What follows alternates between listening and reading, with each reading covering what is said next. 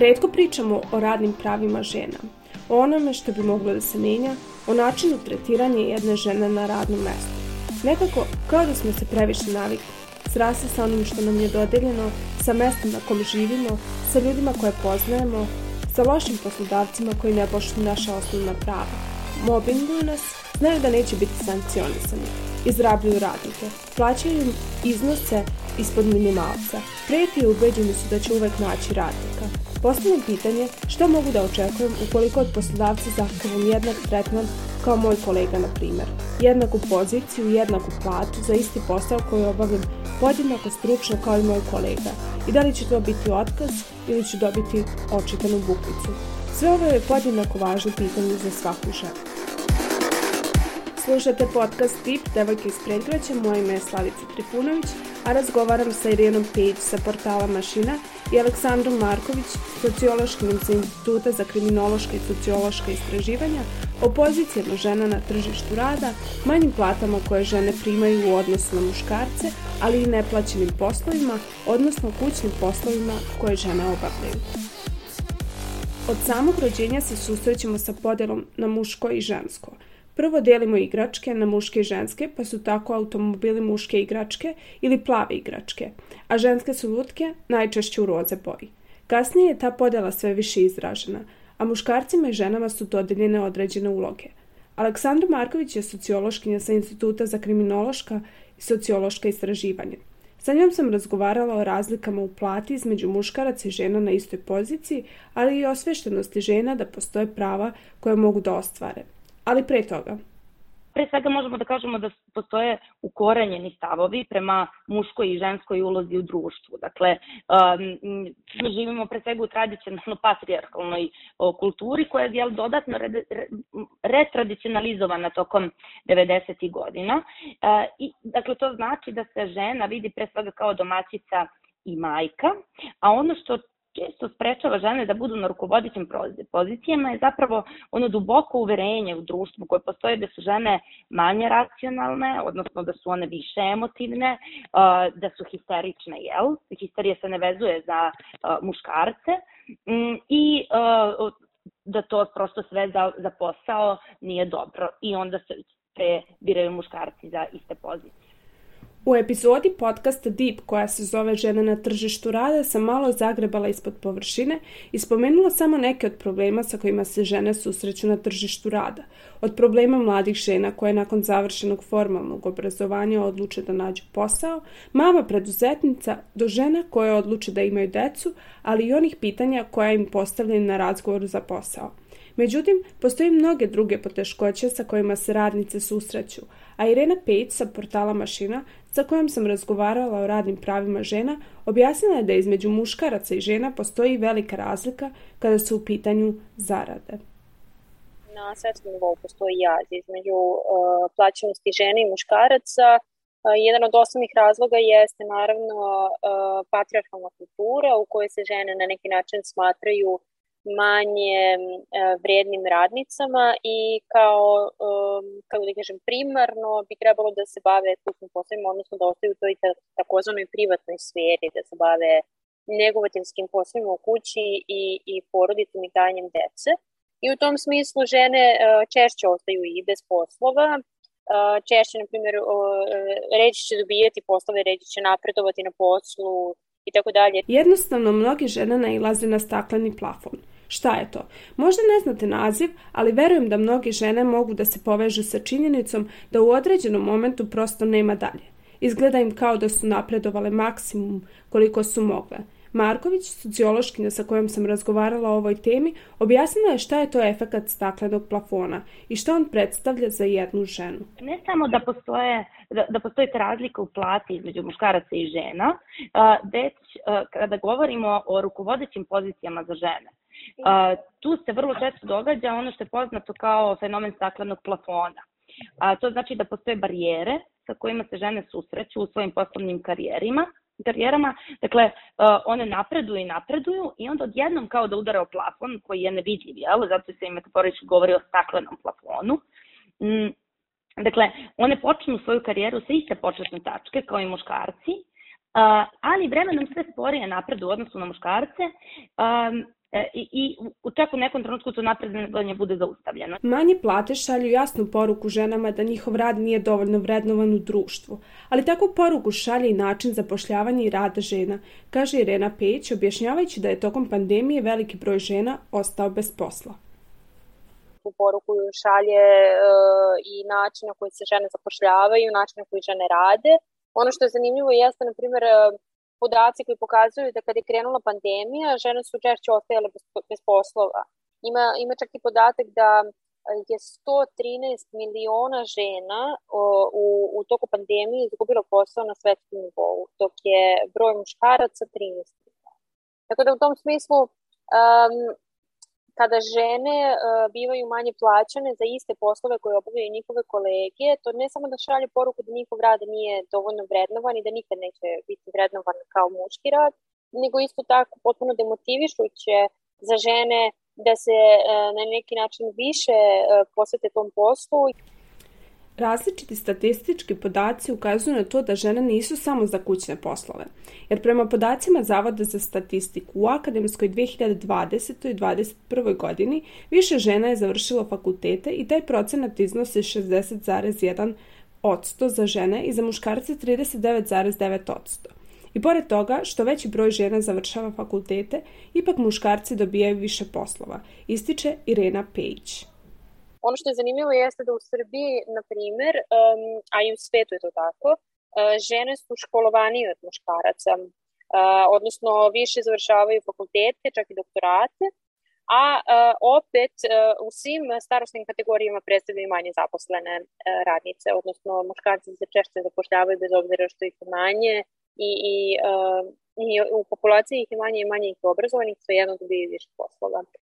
Ne možemo da prolazimo kroz ovu temu, a da ne pričamo o važnom segmentu koji nam nameće društvo. Majčinstvo. Društvo smatra da je jedna od bitnijih uloga žene da se ostvari kao majka, a i država podstiče različitim politikama rađanje. Međutim, majke teže dolaze do posla.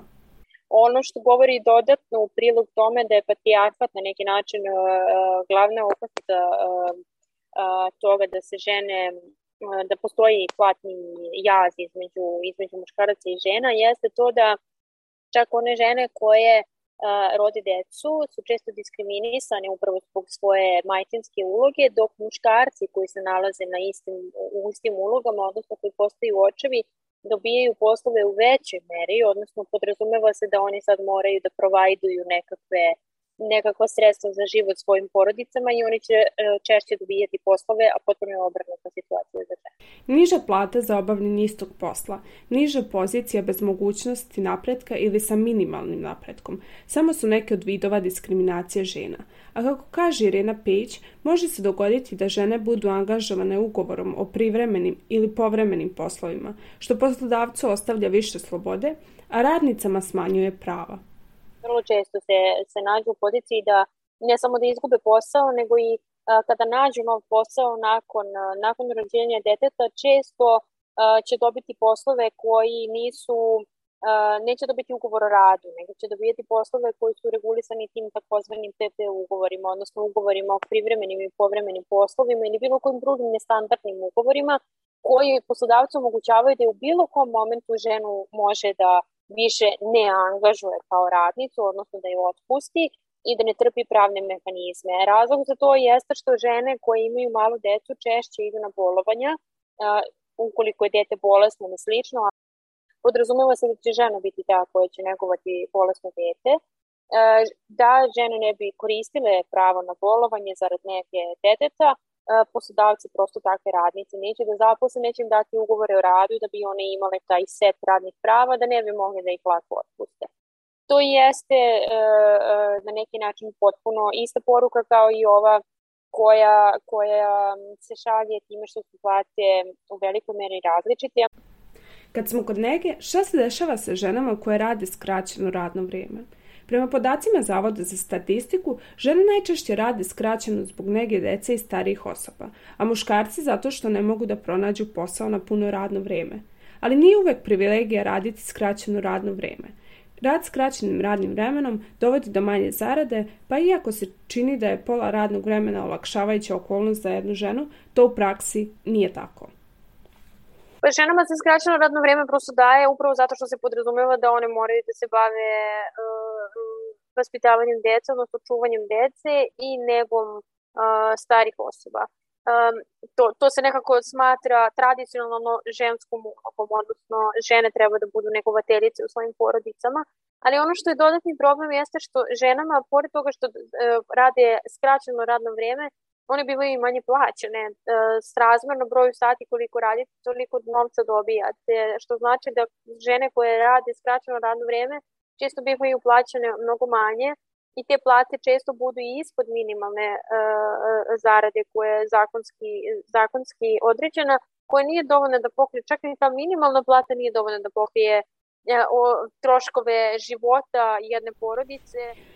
Sve o čemu smo do sad pričali ukazuje na jaz između muškaraca i žena, a prema podacima Zavoda za statistiku iz 2020. godine zaposlenost žena iznosi 41,9%, dok je zaposlenost muškaraca 56,6%. Najveći jaz u zaposlenosti je između žena i muškaraca u kategoriji od 56 do 64 godine, gde taj procenat iznosi za žene 40,5% i muškarce 60,8%. Međutim, šta se dešava sa ženama i u kakvom su one položaju, objašnjava Irena Pejić sa portala Mašina. Ako pričamo o Srbiji, e, žene na tržištu rada e, su izuzetno nekom položaju. Žene će biti češće otpuštane, ređe će odbijeti poslove, e, vrlo često žene nakon porodiljskog otpusta će ostati ekonomski neaktivne, što znači ne samo da neće imati posao, nego ga neće aktivno ni tražiti, upravo zato što ne postoji način da ga nađu.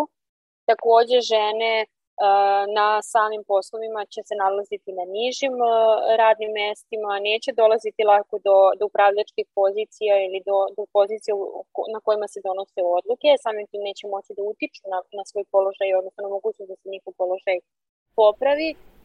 Od žene se očekuje da se bavi određenim poslovima koji su kategorisani za žene ili da imaju određeno ponašanje u društvu, da budu odmerene, kulturne, fine, da se ne suprotstavljaju drugima i da na neki način slede određene obrazce ponašanja, a postoje branše u kojima su žene većim delom zastupljene. Postoji nešto što se zove feminizacija siromaštva i nešto što se zove uh, feminizacija poslova, odnosno postoje čitave grane privredne koje zapošljavaju više žena i po pravilu unutar takvih sektora uh, ima manje para a, to je obrazovanje, to je naravno negovatinske, negovatinske poslovi koji su skoro u većinskoj meri, u kojima se u većinskoj meri zapošljavaju žene i samim tim u takvim sektorima nema, nema para, dakle ne možete mnogo da zaradite na takvim poslovima. Uh, slična situacija je u medicini i tako dalje.